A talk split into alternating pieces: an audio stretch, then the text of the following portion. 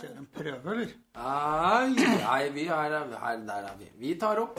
Vi tar opp. Kaffe var nå din? Nei, nå tror jeg det ble begge. Ja. Nei da. Den, jeg har bare drukket den. Nei, den er det jo nesten ikke noe igjen av.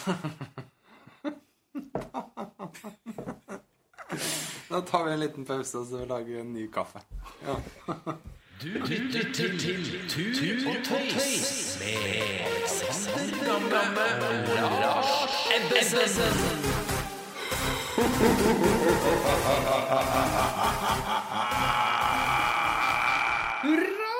Vi skal lage pod! Og nå begynner det å bli ei stund siden sist. Det er forferdelig lenge siden. Det er nesten så jeg begynte å lure på hvordan jeg skulle skru på den der oppdageren her. Jeg så du skulle montere den som Ja, og først så trodde jeg ikke at det var kort. Jeg fikk melding om at det er no SD-card. Ja. Og så må jeg og så, og Når vi først er inne på det, da, at det er Så en stund siden sist Så er det ikke så lenge siden vi prøvde. Men det skar seg litt. Fy fader, altså. Hvorfor skar det seg, Nei, Alexander? da, nei, da, Jeg husker jo, ikke helt. Kan ikke du refresh my memory her? Det var i forrige uke, og vi ja. hadde da omsider klart å eh, synkronisere en kalender eh, via kryptiske SMS-er som vanlig. At eh, mandag er eh, pod- pod-tid. Pod Møtte opp. eh, Hadde jo selvfølgelig ikke et sted å være som vanlig. Eh, Men eh, det var jo egentlig ikke så farlig. Nei, det løste seg. Akkurat det løste seg. Fy søren. Når jeg satte oss ned på en kafé for å begynne å diskutere litt, så viste det seg at nei, der var podkasten.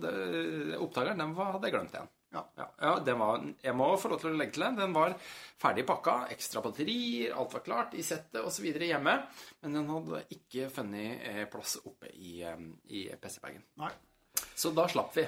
Slapp vi det? Da ble det Ja. filosofering over livet og kaffe i stedet. Ja. Men jeg er litt, jeg er litt sånn jeg er litt små, litt, eh, litt tjufs, litt sånn klein. Så jeg vurderte faktisk Altså, jeg fikk litt sånn feber i går, så i dag tenkte jeg at det, det får bare briste eller bære. Eh, Det får bli Paracet eller portvin, eller begge deler. Så jeg, det var like før jeg tok meg en portvin. Tenk deg hvor artig det hadde vært å ha hatt en portvinpod.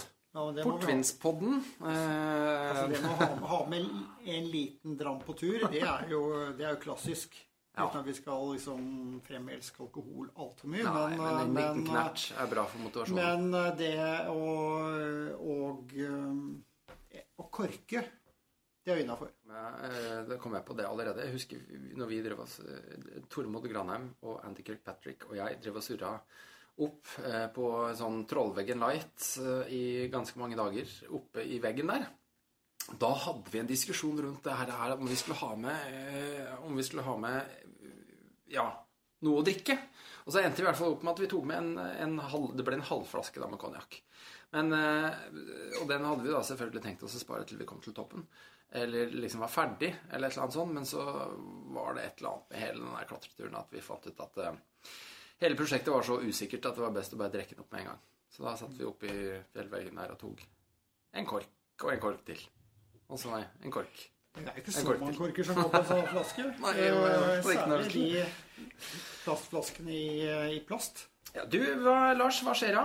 Hva har du gjort uh, siden sist? Ganske mye, for så vidt. Uh, regner jeg med. eh, vi traff hverandre i 2017 sist gang, var det? Jeg husker ikke. Så det er jo blitt, skal vi se Jeg har uh, Det er ikke så ikke fått flere barn. Jeg har eh, Nei, det, det Jeg har vært i bryllup.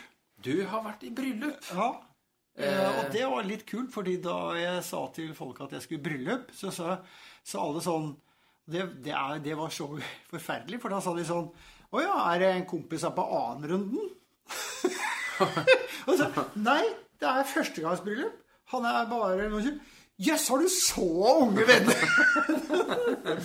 så jeg fikk klortete masse øyne, da. Ja, men det- jeg- det- jeg. men det var jo stor Da skjønte jeg at det var, det var veldig ærerikt for Tove og meg bli bedt, da. For det var Theodor eh, Johansen. Han eh, Klatre-Theodor og aldri klatre hele Everest, eh, Theodor. Nei. Fordi han blir alltid stoppet av en eller annen katastrofe. Så Nepal er nok veldig glad for at han ikke fortsetter å klatre, klatre Ja, Everest. Hold Theodor, ikke dra Eh, Og at han er mer elsket i Antarktis og sånne steder hvor han da har stor suksess. Eller Balkansjøen, som altså Kristian har gjort veldig mye rart. Utrolig ålreit fyr. Og hatt gleden av å leke med han helt siden han starta. Og det Og nå begir han seg da ut på den største ekspedisjonen av dem alle. Ja. Det er Lykke til, sier jeg bare. Ja, det sier jeg også. Det, det Ja. Men Han er så ung, så ung. Ja, det var det første at han kom du, Da han skulle over Antarktis, så var han jo fanken Nei, han, det bare Christian Eide og jeg det kom trillende i et sånt polaregg som vi stirra på i vantro, og ut klekket det kom en bitte, bitte liten polar polfarebaby som het Theodor. Ta med til Sydpolen. Vi er bare livredde. Vet du, hvem skal amme den? Ikke sant? Det, liksom, det var bare helt, helt sjukt eh, og sånt noe. Og så åpner, åpner den babyen eh, røsten. Så har han sånn Louis Armstrong-røst som kommer fra tærne opp. Og bare oh shit, han snakker jo med mannfolkstemme! Og så er det bare den mest herlige gutten du kan ha med deg på tur. Og så positiv og blid og tresterk og alt. Han virker som en fantastisk fyr. Jeg har aldri, aldri vært på tur med han, men eh, det kan jo, det kan jo skje. Det kan skje. det kan skje. Nå sånn han på en tur mer i tandem, da. Så, men de eh, de hadde en kul greie seg imellom også. Og de hadde venner som øh, var veldig pent dressed opp, men, men som lagde sånn ordentlig stemning i kirken. Det var sånn trampeklapp og hoiing i kirken. Det var øh, ordentlig tøft. Ordentlig tøft. Yes. Så det var øh, det. Men det ble jo fryktelig mye taler. Jeg er ikke noe glad i brylluper som holder taler. Jeg skulle holdt tale, men jeg sto litt lenger ut på uh, talerlisten, så jeg kom jo aldri så, langt langsomt til meg engang før festen bare dro seg til. Jeg har aldri sett deg i dress, eh, Lars, eh, by the way. Men det er kanskje ikke så rart.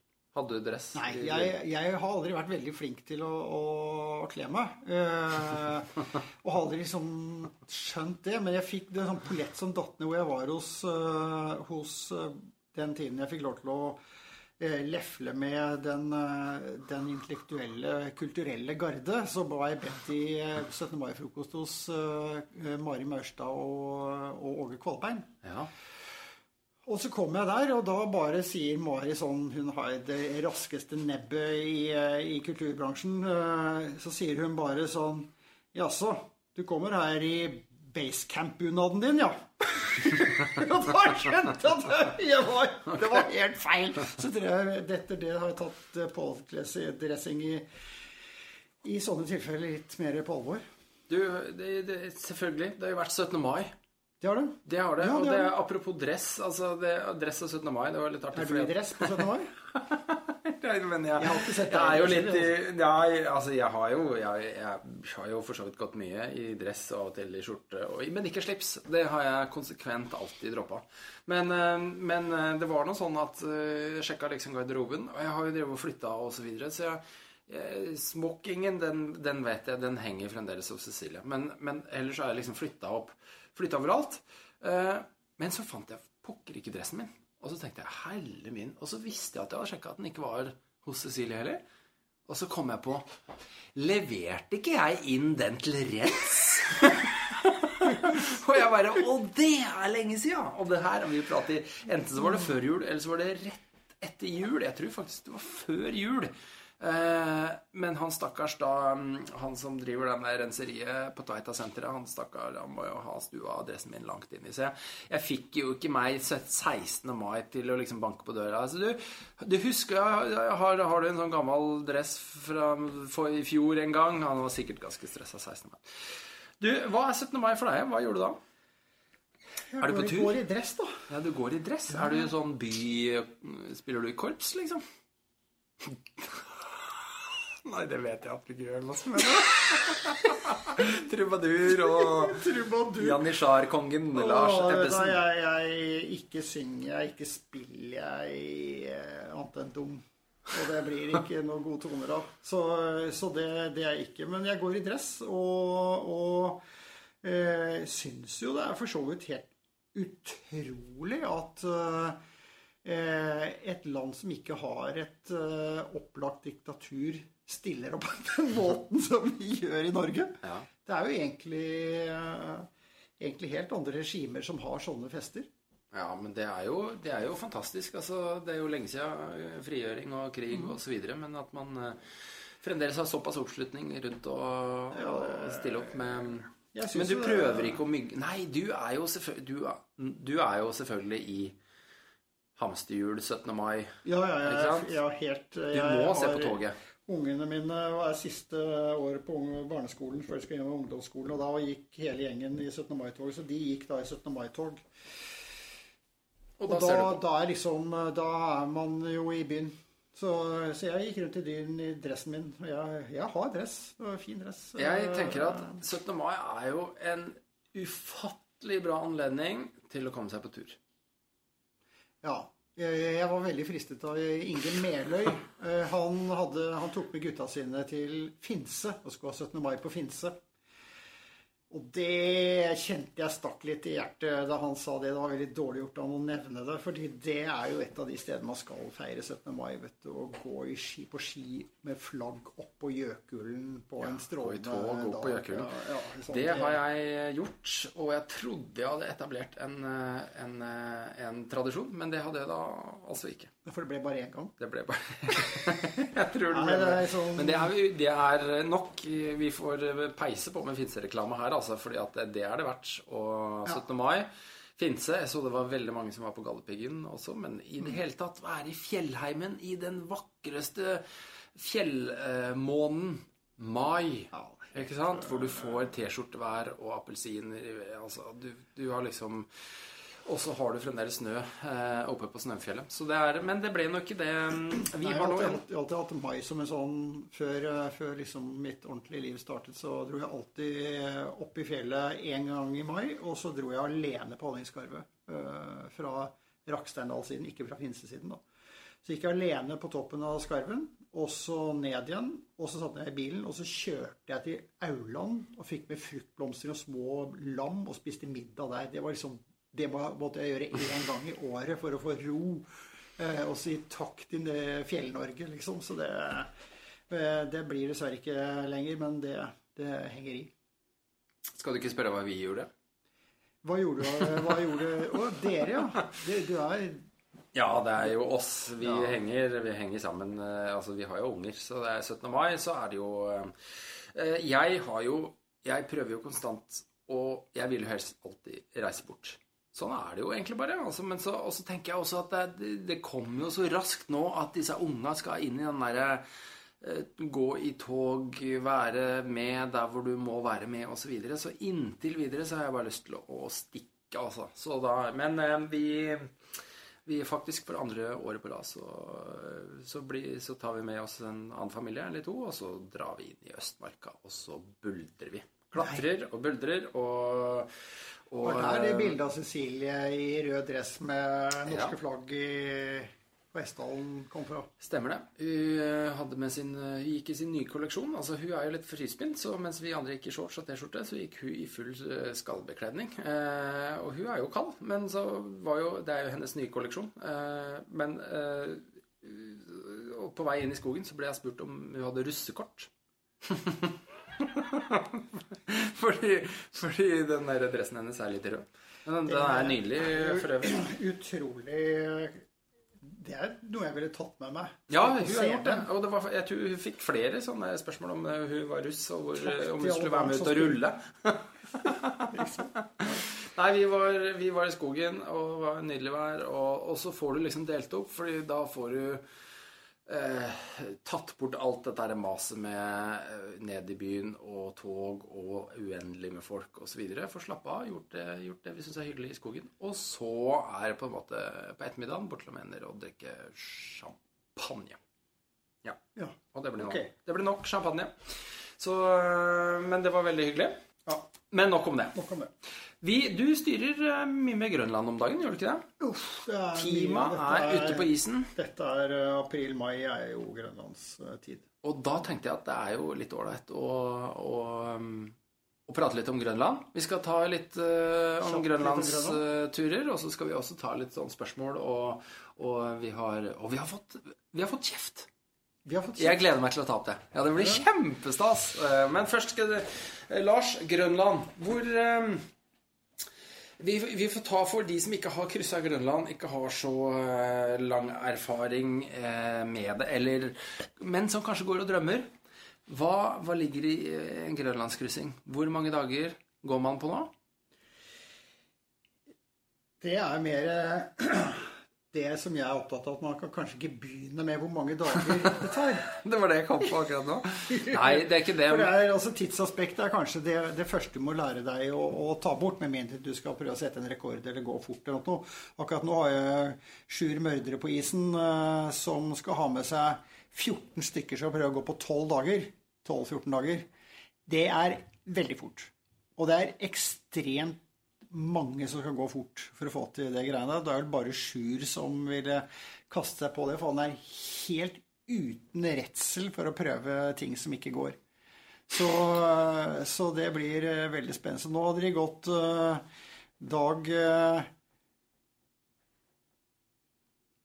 Dag tre uh, nå i går. Og dag tre, fire, fem er sånn noe kroppen skjønner, ikke sant.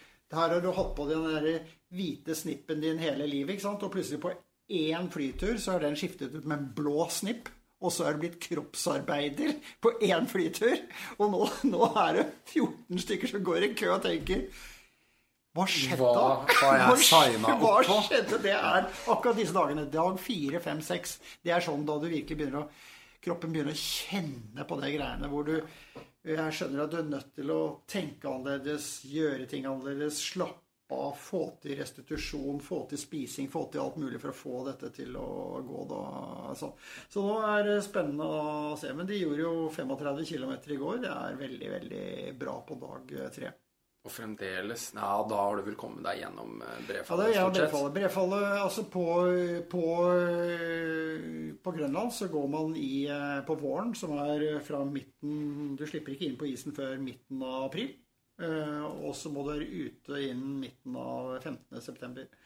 Eh, Men på våren så går du da Du bør ha kommet fram da. Hvis du starter, ja, Hvis du starter i april, april, så og- er nok de fleste kommer frem. Men du er liksom, det er to sesonger, da. Ja, det er sant. Også Altså veldig mye vann på midten. Eh, Men da går du fra vest til øst. Og, og det Og da er jo hele greia går jo på at på vestsiden så, så er den store, store avsmeltingen skjer. Der er de store elvene og det meste vannet og sånt noe. Der er også de største landmassene, så landmassene får mye mer varme og energi enn det de får på andre siden. Så brefallet i øst, det åpner seg veldig sent. Altså gjerne ute i juni, mens brefallet i, eh, i vest, det åpner seg alt fra begynnelsen av mai til midten av mai. 14 dager der. Så alle norske grupper, i hvert fall så langt som jeg, de går, de går vest-øst. Alle går På vår part. Alle annet enn en eller annen engelskmann som skal finne opp hjulet, går feil vei. Eller sånn som eh, folk som skal eh, gjøre noe smart. De fleste dumme går den feil veien, og de lure går jo da Hvordan, hvordan er temperaturforskjellen, eller er det andre store Hva er de største ulikhetene med å gå på vår og høst? Tar du den på 40 Det- sekunder? Største, ja, største forandringen det er at alle brefaller, alle sprekker, alle smeltegreier er åpne på, på høsten. Så du må finne en vei gjennom sprekkene på Da går du fra øst til vest. Du må også finne en vei ned gjennom på vestsiden, for der er ikke noe snø. Det er alt sammen bare dype elver eh, som kan være ti meter dype eh, med bare litt vann igjen. Du skal finne eh, en greie på det. Så er mye sne borte, og så får du alltid to-tre store stormer gjerne i løpet av høsten. Så det er en mye mer krevende tur og mye mer variert vær. Våren er my, stort sett mye mer stabilt. Eh, Du har mye bra vær og egentlig veldig fine forhold for å krysse isen. Men du, fordi du prater om disse stormene her, eh, og de kalles jo gjerne pitterakker, disse her um, Fallvindene. Eh, Ja, fallvindene. Sagnomsuste fallvindene på Grønland. Altså, mm. hva Jeg er ikke helt sikker på om jeg har hatt en pitterakk på Grønland. Jeg har, jeg har guida tre, tre runder. Eh, og når jeg ikke er helt sikker på om jeg har hatt det, så har jeg mest sannsynlig ikke hatt det. Eh, regner jeg med. men vi har hatt røft vær, men jeg er ikke sikker på Vi har ikke hatt de der verste fallvindene som har liksom kommet med.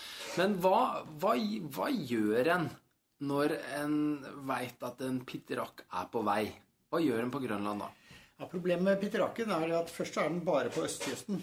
Så det er liksom der hvor du har enkelte korridorer hvor, det, hvor særlig der hvor det er elver og sånt, hvor det fort kan bli. fordi det er jo varmt vann ute i havet som stiger opp og trekker kaldt vann. Så du har kaldt, stabilt vær inne på isen, og så er det en dårlig vær ute i havet, og så får du en sånn eh, pumpeeffekt ut av det. Og det kan være at en pitterakk kan godt bare være noen kilometer eller en par mil bred.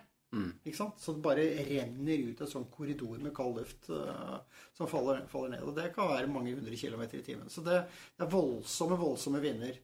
Og de, eh, nå begynner man å bli flinkere på å, å spå dem. Uh, men det er en egen greie, det, altså.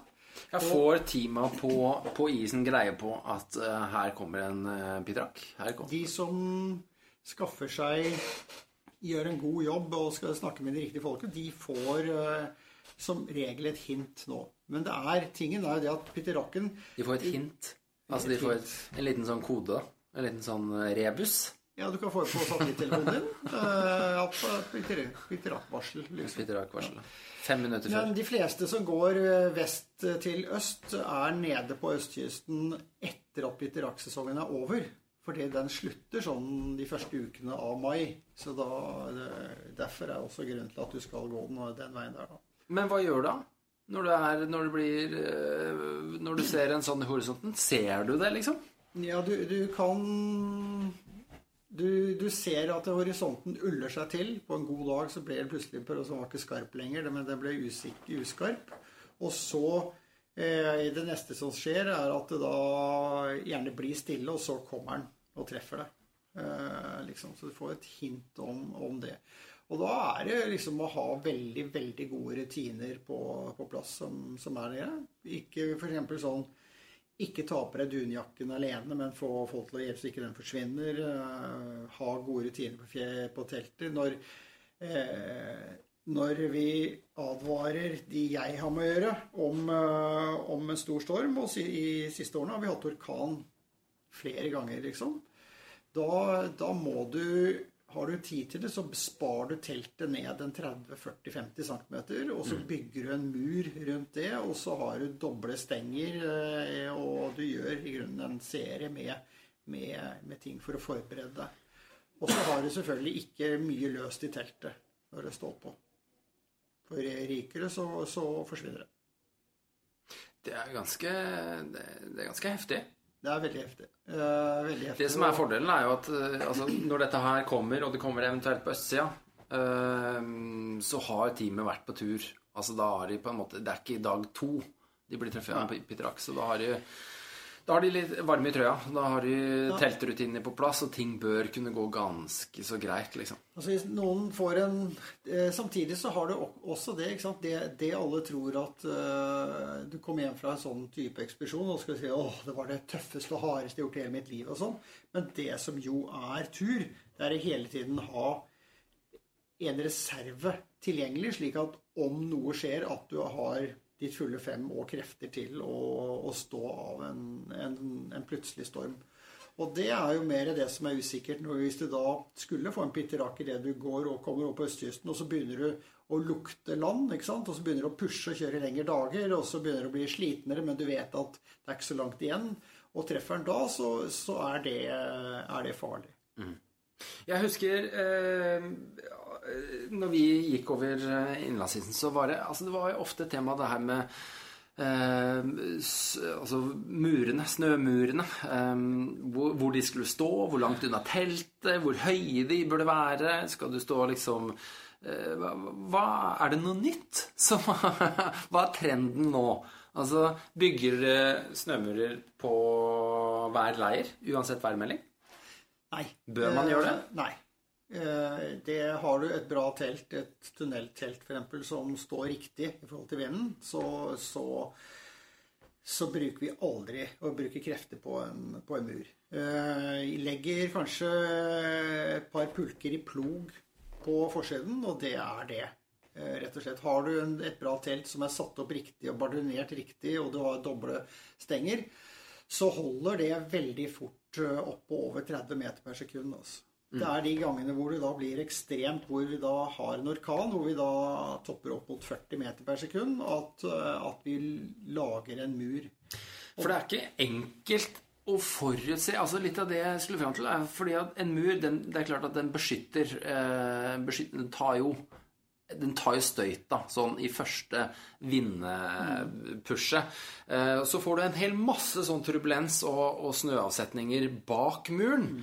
Og det er, har jeg litt erfaring med at eh, det er ikke så godt å forutsi akkurat hvordan det kommer til å bli. fordi av og til så har liksom, du hatt en mur som har fungert egentlig helt sånn perfekt, hvor snøen har glidd ut på sida, og teltet har fått stått ganske mulig i fred.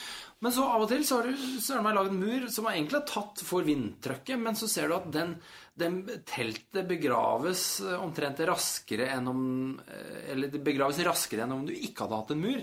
Fordi at det blir så mye turbulens bak muren. Og at du får masse må ut og grave flere ganger i løpet av natta. Ja. Så det er ikke noe Jeg gleder meg til den som tar doktorgraden i snømurer og finner den endelige fasiten for uh, hvor høyt og hvor langt og hvor bredt og hvor tjukt. Ja, for jeg, jeg er ikke noe glad i snømur i det hele tatt. Amerikanere snø, lager det hver eneste kveld, liksom. Ja. Uh, og jeg har alltid lurt på hvorfor, uh, egentlig. For et telt som står der, det drifter snøen rundt på en mye mye bedre måte. Nettopp. Mye renere rundt det. Har du en snø, så må du ut og sjekke at, uh, at du ikke føyker ned. og sånt. Det skal bare litt variasjon og litt feil på muren, så, så har du det problemet du snakker om. Og, og, jeg- så jeg har aldri vært noe glad for det. Men hvis du har en orkan, så så slipper du det. Hvis, du har sånn passe vind og en snømur, skal den da stå én meter eller to meter eller tre meter unna teltet? Eh, fordi det du risikerer, er bare at vinden går opp, og så slår den ned midt på teltet. ikke sant? Og det er jo, det er jo vondt verre på mange måter. Så det er liksom når de har ekstremvinder, så bygger vi mur, og da vet vi at, eh, at luften går over eh, også. Men du må ut og, og kontrollere. Det må du. Hvor, eh, hva, hva med frostskader og kulda? Det blåser mye. Hva er liksom eh, Hva er gode triks for å holde froskene unna på Grønland? Fingre, ansikt, tær osv. Det, det er faktisk så er det relativt få frostskader på Grønland. Eh, Går du i mai, så er det I år så var faktisk første del av sesongen ganske kald. Eh, Jeg har ikke snakket ordentlig med de som var, var med der, men da, da var det ned mot 20 kuldegrader, og med en gang du har vind, så, så er det klart at da, da er du i risikosone. Men det meste på en vårtur, med en gang du kommer inn i mai, så, så snakker vi 10 kuldegrader kanskje, og, og litt vind, og det er uproblematisk eh, egentlig. Men, men reglene er jo eh, helt klart Når du kjøper jakke, så gå etter hetta. Få tak i stor hette. Det er helt essensielt. Eh, ikke de der små, pene hettene som passer på korgan. Eh, ta og, og aldri ha vanter. Ha alltid votter. Og lær deg å få et system så du kan bruke votter til å gjøre det, det meste. Og, og pass på kinn og, og slike ting som, som Pels rundt på, på ja. Et eller annet verna dyr rundt uh, heter det? Men det er jo, altså, når det kommer til votter Jeg vet ikke hva slags løsning du Men jeg hadde alltid altså, par Og her er det på en måte det enkle som var det definitivt beste. Altså tjukke Tova ull, ullvotter, som var liksom isolasjonsplagget. Tjukke vindvotter, eller altså vind, eh, vindtett utapå der. Ja. Og så hadde jeg veldig ofte, ikke alltid, men jeg, jeg likte å ha da tynne ull, et tynt lag med ullvanter inni der også. Slik at når jeg skal, skulle gjøre noe som krevde faktisk litt fingerferdighet, at jeg ikke eksponerte så mye hud. Fordi at du blir ofte stående og knote med ting. Ja. Eh, og det er jo den derre Én ting er forfrysningene i kulda. Når du eksponerer, blåser litt osv. litt hver eneste dag. Men det er på en måte det der slit, slitasjen og hvor tørr huden blir, at den sprekker opp, og at du får sår som ikke gror. Det er kanskje like ille, så det er en veldig god grunn til å beskytte Ja. fingrene mot mest mulig eksponering. Og du sitter jo og fukler med primuser og skibindinger og ting av metall. Så det er liksom Det er et godt eh, tips, altså. Det er å ta godt vare på, Har du på ikke begynt med den plastikkprimusen til MSR? Nei? Hva skjer? Nei, det fins heller ikke. Eh, Nei, så det, det, blir jo, det blir jo det at du, du tar i kalde ting, særlig skal inn og fyre primus og sånt noe, og, og det kjøler ned og, og gjør, eh, gjør fingrene sårbare, ikke sant. Så det er masse, masse sånn. Og så er det, Jeg ble jo veldig, jeg brukte mange år på å finne en god eh, ansiktsmaske. Men når jeg fant på en måte den maska som funka jævlig bra, så, så, så gikk jeg veldig mye med maske. Jeg husker ikke om, jeg tror ikke jeg gjorde det like mye eh, i, på Grønland, eh, egentlig. Men det er litt av det samme der. fordi at når du har den derre sol og vind som blåser, og det trenger ikke å være så kaldt, det trenger ikke å være snakk om eh, frostskader, men når du har det på kinnet hele tida, så blir du på en måte Det sprekker opp, det blir sår, det blir, det blir vondt, og det blir, eh, det blir en sånn start på noe du ikke klarer å hele der ute. Så jeg tenker at eh, goggles og eh, ansiktsmaske det ble nesten en sånn eh, mal for meg, enten om været var bra eller ikke. Det var bare å, å dekke mest mulig eh, hud. Spesielt eh, så tenkte jeg at det, det var kjempeviktig nede i Antarktis. Ja, i Antarktis er det jo helt avgjørende. Altså, du eh, Jeg går alltid med hette. Jeg går alltid med store hetter, og jeg holder alltid det borte. For oss som er født med en sau på huet, så trenger vi jo egentlig ikke lue. Vi trenger egentlig bare hette. Nei, jeg bruker aldri lue. Og jeg er ikke fullt så sau, mer Men eh, flatcoat-sau. Når det kommer til eh, pulker, altså hva slags Nå er det jo, eh, nå er det jo stort sett kommersielle team som går over. Er det private grupper i det hele tatt Oi, ja, ja, ja. som krysser? Ja da, Og får gå uten guide? det er det. Det er det. Men er det et er det en, er det, Hvor vanskelig er det? Å få lov til det? Altså, dette har jo vært en utfordring i mange år. Det, det jo, jeg holder jo på med en god del av de som ender hos meg, og som jeg prøver å hjelpe. Og det er jo litt av det der å overbevise myndighetene om at eh, du skal få tillatelse, er jo litt av den jobben som skal eh, gjøres der. Og det er klart at hvis det kommer noen som ikke har gjort noe i nærheten før, så, så må du gjøre en grundig jobb på å eh, fortelle hvorfor du skal få lov til å gå, rett og slett. Eh, Hvis du ikke har eh, Hvis du har gjort noe, altså har én vært over Grønland, så er det ikke noe problem. Eh, Har én ikke vært over Grønland, så, så må du dokumentere at du fikser det, rett og slett.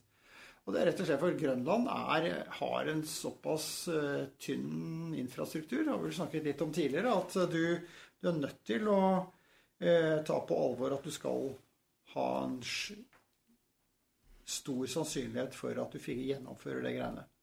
Men hvis, dere er, hvis det sitter en eh, blant våre Nå tror jeg vi er oppe i 27 lyttere, eh, kanskje. Men eh, hvis det sitter noen der ute som er liksom en vennegjeng, som har litt sånn brokete turerfaring, noen litt mer erfarne, noen ikke så erfarne, og sitter og Hei, vi, vi har lyst til å krysse Grønland. Hva, hva anbefaler du de å gjøre? Ja Ta kontakt med, med folk som har gjort det før. Ja, men for å, for å liksom eh, Tenker du at det er greit at eh, det, det beste og enkleste er at de kjøper på en måte en pakke hos de som er vant til å eh, arrangere eller stå ansvarlig for turene? Eller er det mulig eh, og greit på en måte å, å, å tråkle seg gjennom dette her helt på egen hånd? Nei, det er ikke noe problem å tråkle deg eh, gjennom, men da må du være ute i god tid. For det er ganske mye å tråkle seg gjennom. Ja. Og eh, du er nødt til å ha kontakt. Altså, det gjelder uansett om du skal til Antarktis og Sydpolen, eller gå over Grønland, eller for så vidt om du skal over Josten. Du snakker med kjentfolk. Det er litt av det som er, bør være i de norske genene. Snakke med flest mulig. Og, eh, og det kan jeg ikke si nok, at snakk med få tak i folk som har gjort det, og snakk med dem, rett og slett. Altså, det er viktig. For du trenger råd. Brefallet forandrer seg ganske mye. Det er tøft å gå gjennom det brefallet på, på vestsiden nå. Det er en ordentlig krig.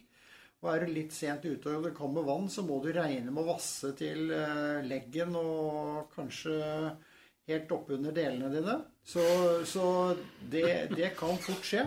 Eh, og du bør være forberedt på, på alt mulig. Og det blir du ved å snakke med folk som har gjort det. Og det og gjør ikke noe mindre bra.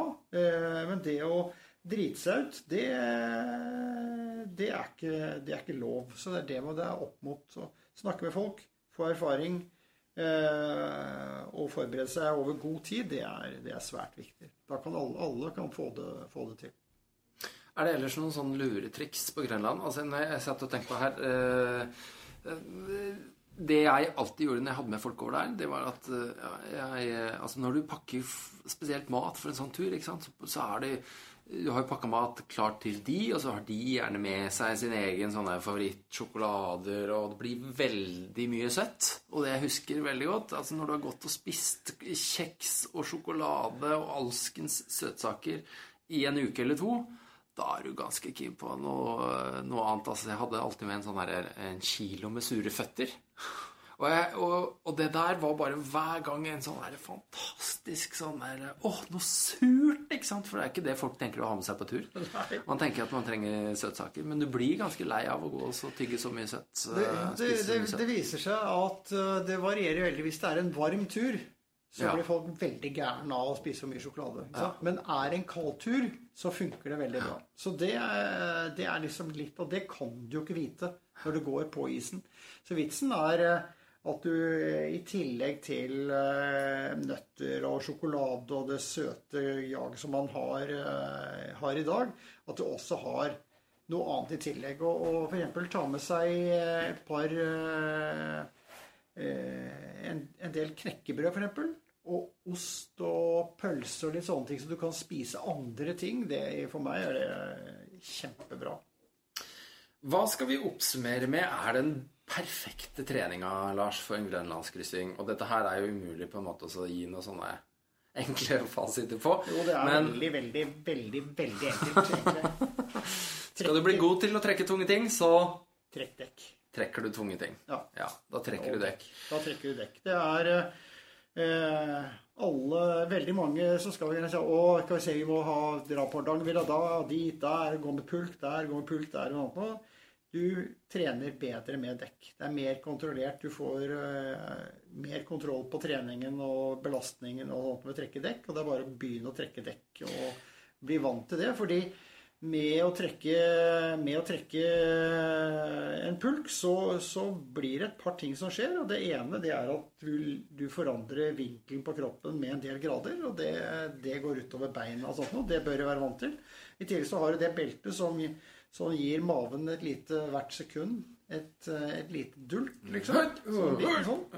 Og en grønlandstur er, en, er en opp mot en ja, 700 000-800 000 små dult i magen. Og det er klart at det, hvis maven er vant til det, så er det en veldig, veldig stor fordel. sånn. Så mange fordeler, pluss at du styrker også kroppen eh, på alle måter. Veldig fint.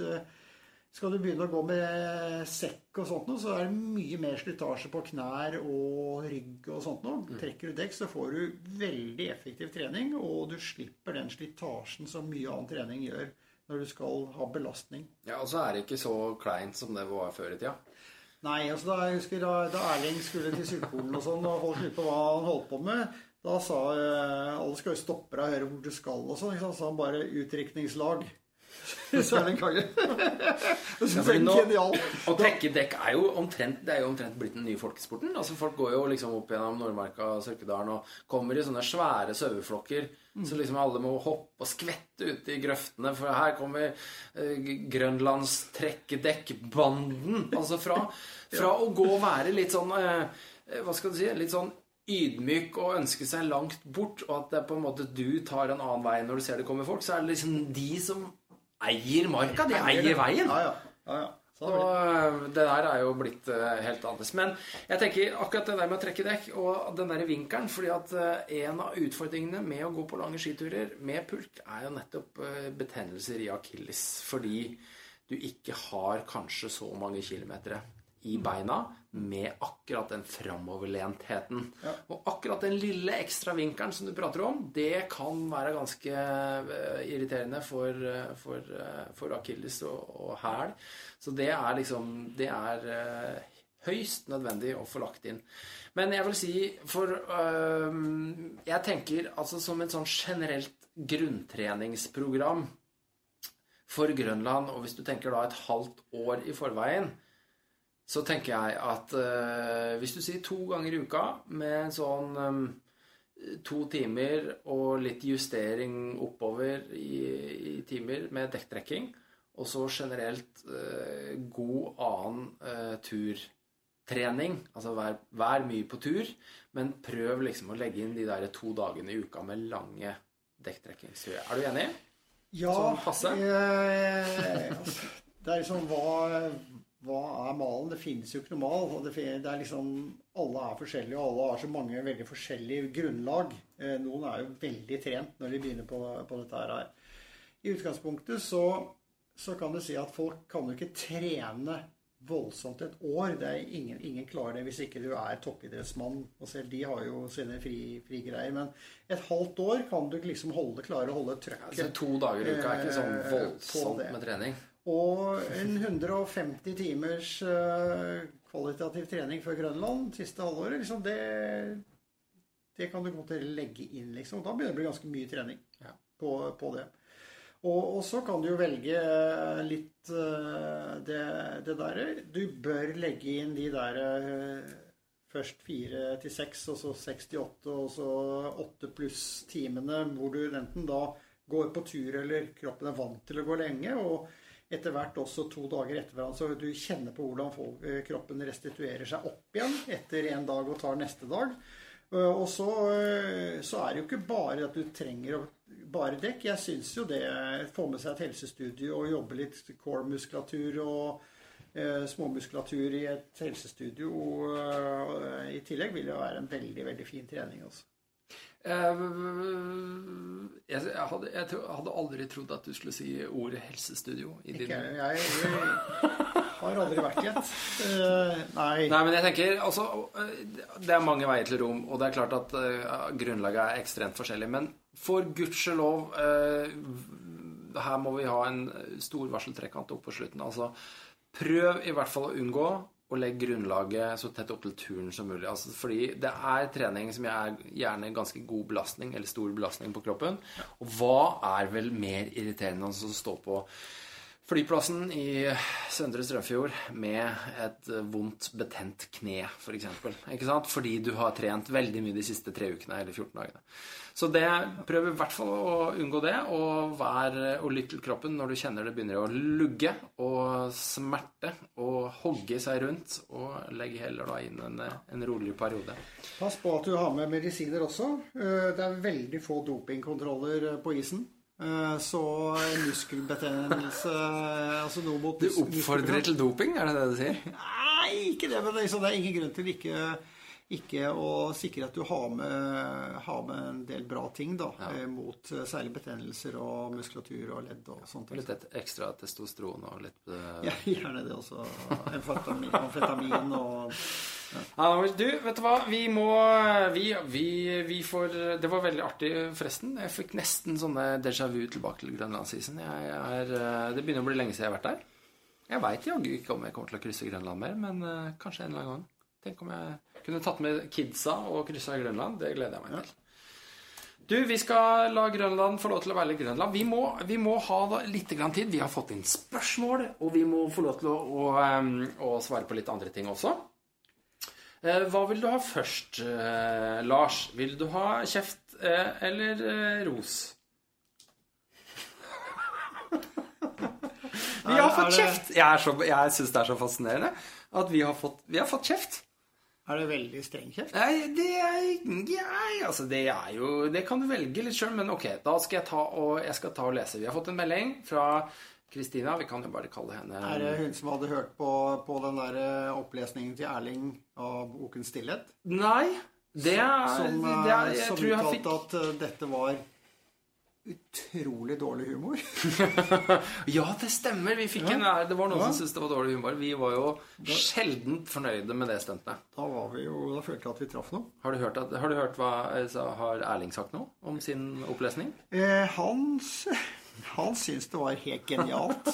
Han var veldig usikker da han så det, fordi han kunne ikke huske at han leste opp. Men han tenkte at ja, han leste vel opp noe mens han satt der. eh, Så han eh, Men han syntes det var eh, helt riktig. Ja, da, ok, Lars, vi får ikke ro oss bort fra kjeften her. Dette her er fra Kristina. La oss kalle henne f.eks.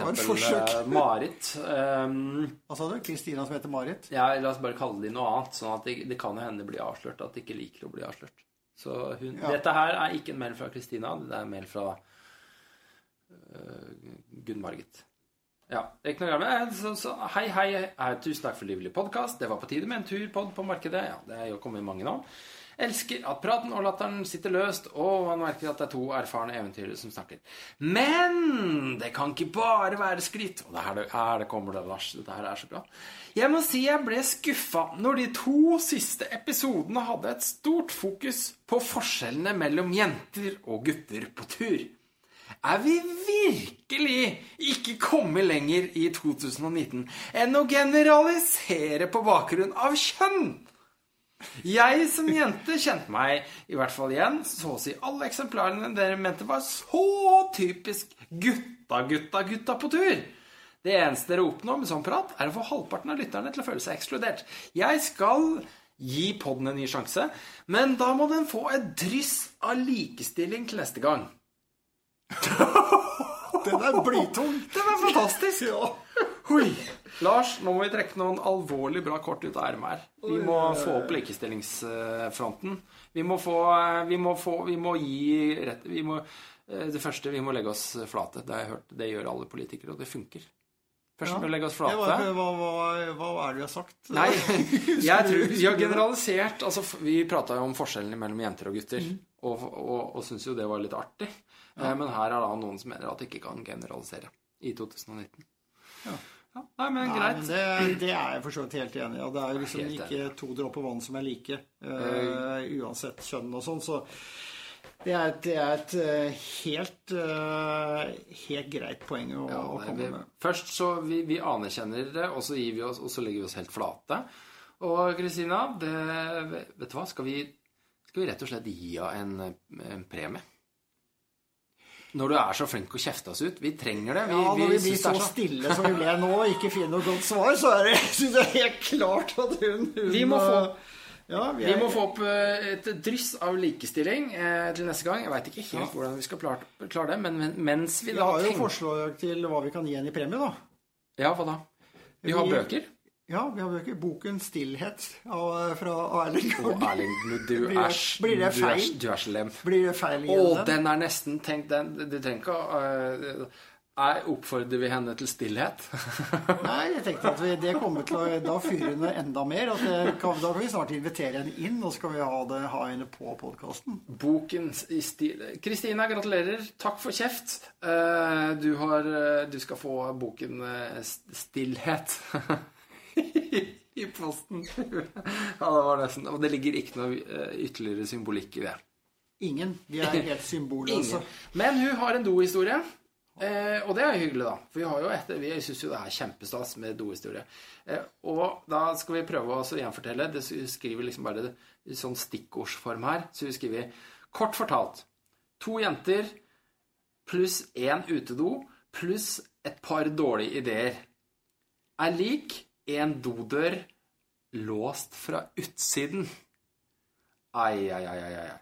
Et bæsjebasseng pluss klaustrofobi pluss en luke ut i det fri er lik fingre som slipper tak i doringen. Å nei. Hodejegerstemning, brune fotspor på bakken og et sett klær og sko i søpla. Det der hørtes jo helt morbid ut! Hæ? Og jeg, jeg prøver ikke å se det for meg. Jeg var- Det er mareritthistorie. Jeg var litt usikker på om jeg var inne i en sånn der, eh, psykologisk thriller her nå, eller om det var en reell dohistorie. Har du opplevd det der? Det er jo helt brutalt. Altså. Stakkars, stakkars. Men hun har, høres ut som hun var sånn som kunne fanget opp den der lykten jeg fortalte på Kilimanjaro. Ja, ja det, men, det der, men slipp, fingre som slipper tak i doringen Altså, du har, de falt ned. De har firt seg- ned gjennom doen da, for å komme ut uh, Ja. To jenter pluss én utedo pluss et par dårlige ideer. En do- dodør låst fra utsiden. Hvordan i all verden klarer man å låse en dodør fra utsiden? er, sannsynligvis er det Noen, de har fått hjelp. en mann. Ja. En, en, Du, fantastisk. Tusen hjertelig, hjertelig takk for både kjeft og god historie, Kristina. Det, er- det setter vi veldig, veldig pris på. Vi hopper videre, Lars.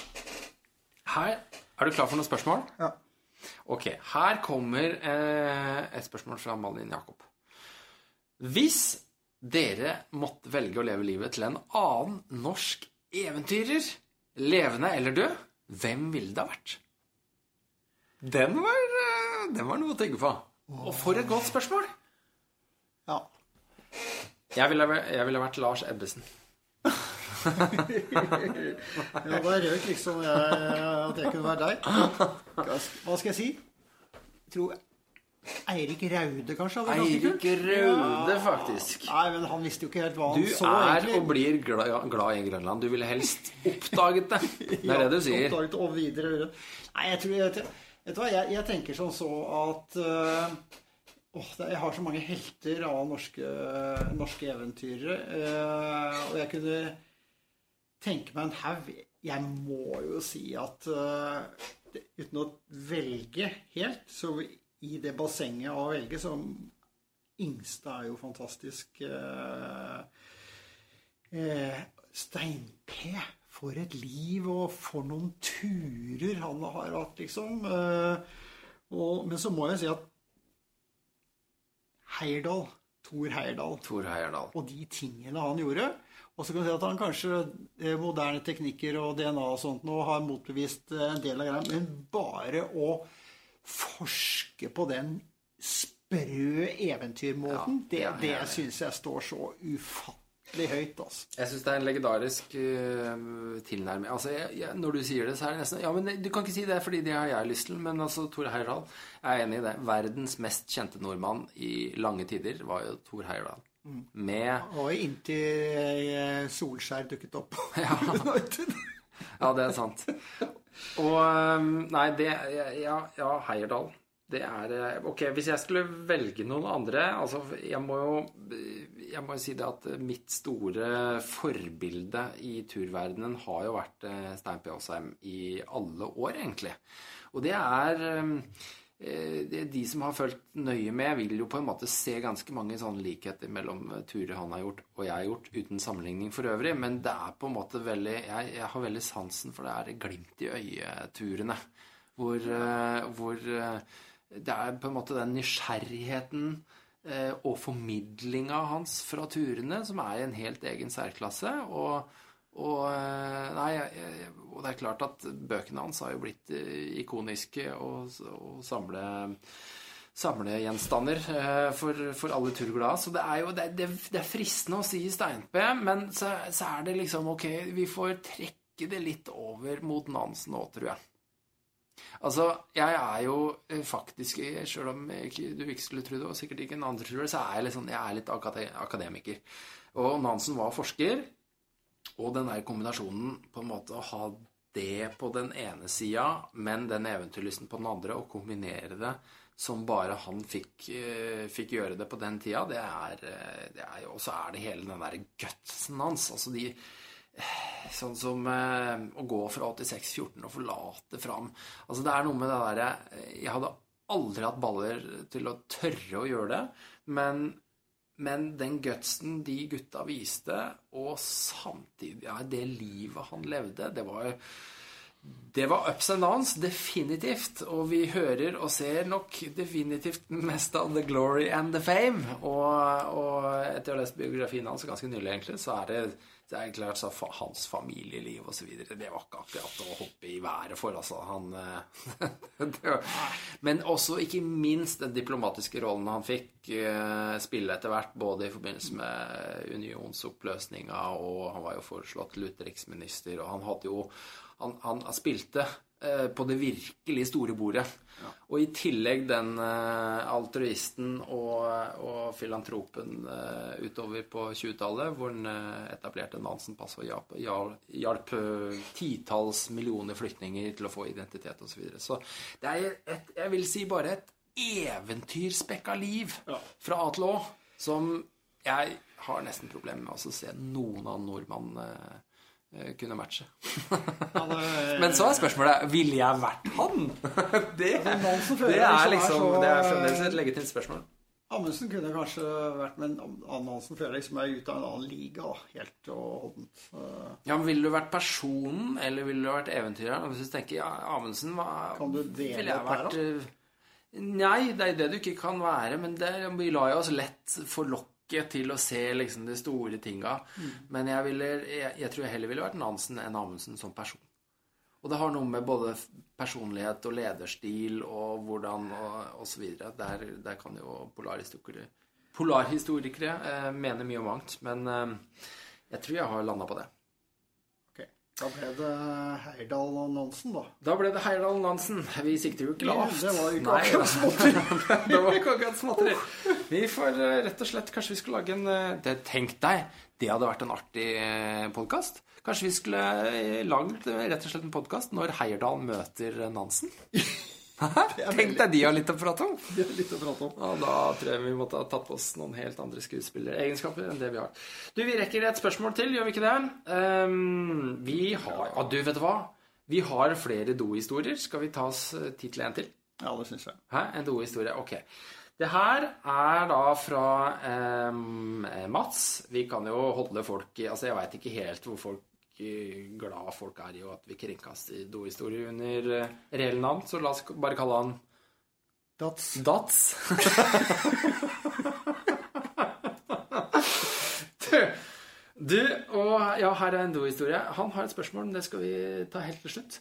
Um, tre Å nei, her kommer det på nordlending, vet du hva, på tromsøværingsdialekt. Det er jeg dårlig på. Neida, Men ok. eh, Tre, tre søskenbarn er på isfisketur i mars måned i Indre Troms.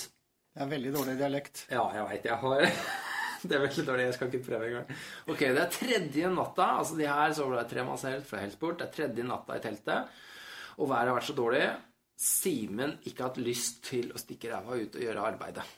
Ikke sant? Du kjenner igjen den, Lars, når det er, det er dårlig vær, og man ligger der og bokstavelig talt trykker. Så i løpet av natta blåser det til på storm og minus 15. Legger oss til å sove i håp om bedre vær. Og eh, dagen etter Og Simen sier Fy faen, jeg må drite. Det var ikke eh, riktig dialekt. Men altså, ok, så han legger seg i posen allikevel, da. Og så står det at jeg våkner opp midt på natta til lyden av teltdukken som slår og innser at været ikke roer seg. Men så kjenner jeg noe varmt ligge oppå opp soveposen min. jeg skal til å snu meg rundt idet jeg hører Simen si Mats, ikke rør deg! Det ligger en pose med drit oppå deg! jeg fryser momentant og kjenner drittlukta i hele teltet.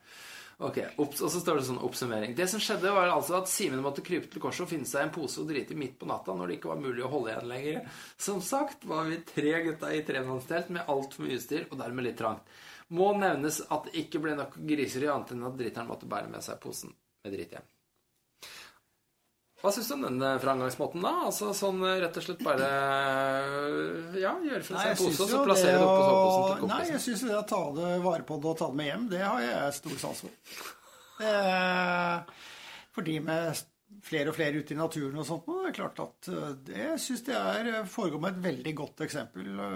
Det er all ære av den. Men ja, det jeg lurer litt på, fordi at når jeg har prøvd å øh, bomle bomme på pose Altså, så Altså, det er jo noe med naturen som gjør at når du bomler bommer, så kommer det gjerne litt bimli-bim også. Eh, men eh, når du da er inne i teltet og har bomli bomma, så altså spørsmålet her Er dette her en sånn en fast en fast, en fast pølse, eller er det en litt sånn lapskauspose som ligger oppe på, på Ikke sant? Det, Det, det vet man jo ikke alltid på forhånd. Nei. Nei. Eh, altså, trikset er jo da å ha såpass store poser at du kan bruke kasserollen, ikke sant? Og tre bare posen over kasserollen, og så bruke den som en toalett, og bare, bare Og det er jo fantastisk Det får og være da- dagens gode Og da er jo det ikke noe problem. Eh, Det hadde kanskje gått an å lagt den i forteltet, da, og ikke oppå kompisen. Jeg Ja, De skriver jo at det er et tremasselt fra Helsport, og alle helsporttelt har god fortelt. Så jeg ser jo for meg at han kanskje kom seg ut i forteltet, i hvert fall. Jeg håper jo Men hvorfor han tok den med inn igjen, er veldig usikker. La den oppå kompisen. Uh, enten Sannsynligvis så var den da akkurat ny, nylevert. Hvis den da var varm også. Så Jeg tenker, da er det trangt i teltet. Hvis det eneste stedet du klarer kan se for deg å legge fra deg Drita-posen. Det er på kompisen. Ja, men det var sannsynligvis da veldig stille territorium. Han lå jo stille og sov, ikke sant? så det er jo som en benk. Jeg, jeg, jeg, jeg, syns han gjorde alt riktig. Ja, han gjorde alt egentlig. riktig. Så det eh, Det minner meg litt om jeg seilte over Atlanterhavet en gang, og så hadde vi, hadde vi innom eh, Azorene. Hvor det er en bar som heter Peters Bar, hvor alle seilere eh, med respekt for seg selv skal gå forferdelig på, på fylla. Ah, ja. Ja, det hadde vi også gjort, og, og kom tilbake. Og da var det en som var litt mer ballast på tur, som ble bedt om å han skulle vaske dassene mens vi lå i havn. Og det hadde han gjort. Eh, problemet var at han hadde vasket dem med håndklepapir. Eh, og håndklepapir på sånne små toaletter på båt, det medførte at det var da håndkepapirsement hå- i alle rørene. Så begge dassene om bord de var klogga. De var veldig rene, men veldig ubrukelige. Og det sa ikke han før vi egentlig hadde lagt fra land, så vi har liksom gått en god del timer ut på havet før han sa fra. Så det ble jo litt sånn litt furt stemning, kan du si, inntil vi fant ut at vi kunne ta poser og legge poser oppi og drite i de posene, da. Og så hive dem over bord. Og eh, da Han heter Terje, men i og med at vi nå er på sin år, kan vi kalle han eh, Tett, f.eks.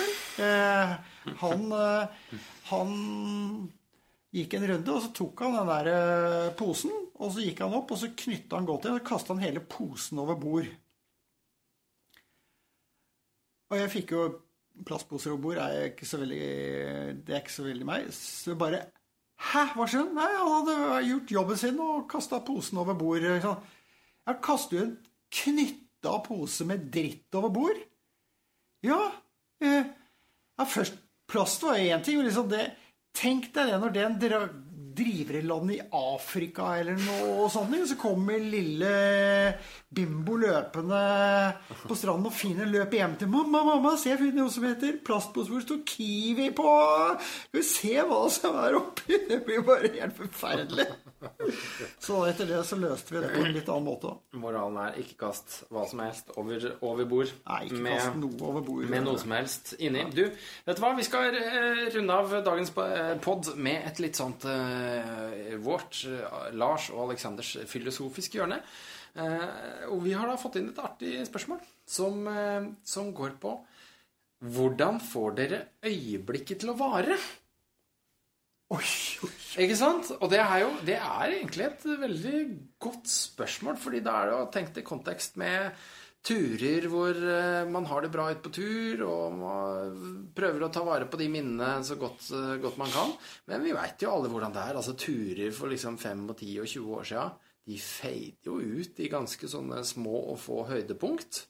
Eh, hvordan ta vare liksom, på flest mulig av disse øyeblikka her? Eh, og har vi noen gode tips uh, å gi? Jeg bare stille så krysse spørsmål, så kommer jeg til å huske dette øyeblikket her lenge, Så det er en bra, bra måte. Ja, men hva er det vi husker? Altså, jeg, jeg tenker jo at det har Jeg har alltid vært glad i å skrive dagbok.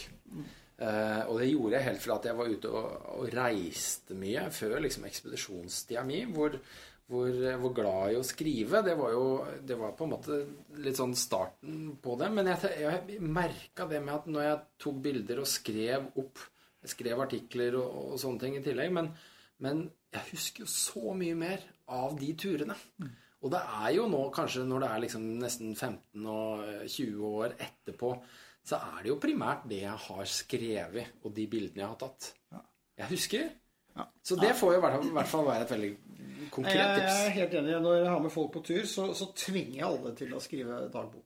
Eh, rett og slett. Og fra første dag så skal de skrive et par linjer hver dag. Eh, Ja, fordi på dag, Og- og- Hva skjedde på dag 16, liksom? Det forsvinner jo egentlig før du har kommet over til andre sida. Ja, og når jeg sier liksom Sitt og les den på flyet hjem, og du får hakaslepp av hva som dukker opp igjen hvis de gjør det. Så det er, eh, det er regel nummer én. Det er å, å skrive en dagbok og så lese den på vei hjem. Da har du en mye større sjanse for at de små gullkornene og, og egentlig ikke de der høydepunktene, men alle de fine små greiene, de sitter eh, på en helt annen måte. Og eh, en annen ting som jeg eh, liker veldig godt eh, Fortell om turene. Og der er vi inne på eh, et, Ja, det er ikke noe gærent med det, Du blir så altså. populær av det eh, hvis du forteller i det vide og det brede. Men, men det som er det morsomme, er at når du er i en setting hvor du kan få lov til å fortelle om turene dine, så dukker det opp fordi du, du, du gjen, For å få det ekte, så gjenlever du det på en Ja, jeg, jeg bare så for meg det liksom konsekvent til enhver eh, anledning og mulighet satte i gang med å fortelle om fra, fra turen din for å bevare minnet, bevare øyeblikket. Det kan jo bli Det er vel ikke noe, sjø, Litt, uh... ikke noe sjekketriks sånn sett. Uh... Ramle rundt på byen og fortelle konsekvent om, om Ja, det- turen han har vært på. Men jeg, jeg synes- tror det med å, å skrive ned er ufattelig. Og det, og det gjelder de små, de små turene også. altså. Det, de der eh, bitte små turene. Skrive Og så tenker jeg det er, Nå kan vi jo, da blir vi nesten eh, vel filosofiske her, men det er klart at Jeg tenker at mange av de der eh, litt lengre turene mine, de har eh, De har blitt en del av meg. Altså, det er liksom eh, De, de, de er inni meg. Det høres veldig vakkert Nei, det var jo, det hørtes helt perverst ut. Men altså Nei, men de, altså, de er jo De har vært så på en måte øh, de setter seg i deg på en måte som er med på å både forme deg og forandre deg. Og det er klart at sjøl om du ikke husker alt, så vil turene sitte i deg på mange måter uansett. Men selvfølgelig så er det fantastisk å, å kunne på en måte bevare øyeblikket. Og så er det litt det derre bevare Altså hvordan kan du eh, ta deg sjøl inn i kontorhverdagen og, og, og raskt hente inn den følelsen du har når du faktisk sitter der uh, på grønlandsisen eller uh, på en fjelltoppen og kikker utover. ikke sant? Og da er jo igjen også Du får bare sette i gang og fortelle om turen til alle kollegaene dine. Ja, det, altså, jeg, Heng opp er også- jeg bilder er på veggene, screensavere, musematter, hva som helst. altså. Men jeg, jeg er i grunnen sånn at jeg er ikke så Jeg, jeg sitter ned og diskuterer og sånn som Sitter og prater om en tur, så dukker jo mye opp igjen. Særlig sitter med de du var sammen med, og du sitter og mimrer, og de husker litt forskjellig, så får du også en veldig, veldig fin greie. Men i utgangspunktet så, så eh, er ikke så veldig sånn se bakover egentlig eh, heller. Nei. Og jeg er mer sånn i det der, så tenk om jeg etterpå Pokker, hvordan Hva gjør jeg egentlig? For jeg vil gjerne Når England sitter der på gamlehjemmet, så vil jeg gjerne huske alle disse tingene. Så her, her er egentlig noe å tenke på. At det må finne en måte så jeg kan nyte det når jeg begynner å snu meg. Men det er godt tips òg, at det er klart at sammen med de vennene, eller de, det reisefølget du hadde det er jo da du på en måte kan avdekke ting du sjøl har glemt. Ikke sant? Så en eh, godt tips der får være å eh, forbli gode venner med de du har vært på tur med. Ja, Så er historiene innafor rekkevidde. det er det. Både de du ikke vil høre, og de du helst vil glemme. Særlig de. Skal vi eh, si eh, takk for nå, Lars? Det kan vi gjøre. Vi får eh, har, vi noen, eh, har vi noen vi skal reklamere for? Nei, vi har jo ingen sponsorer. Så da slapp vi det. Det er veldig praktisk. Det sparer masse tid. Spar masse. tid. Og om ikke så veldig mye penger. Så eh, Men Ja, eh, folk kan jo bare sende oss litt penger hvis de har lyst til det. Vipse. Ja, eller kanskje like viktig, vet du hva? Eh, Fortsett. Hammer på med ris eller ros. Du skjønner jo nå at vi er, vi er veldig glad i å bli kjefta huden full. Og eh, Og fortsett å tipse oss. vi må, vi må si sånn Og rate us på iTunes. Rate us på iTunes, follow our Spotify-list osv. osv. Alt det her vi ikke har så greie på. Men vi har Instagram-konto Tur og Tøys. Vi har Facebook-side Tur og Tøys, så join oss og gi oss en tilbakemelding, og så hører du fra oss.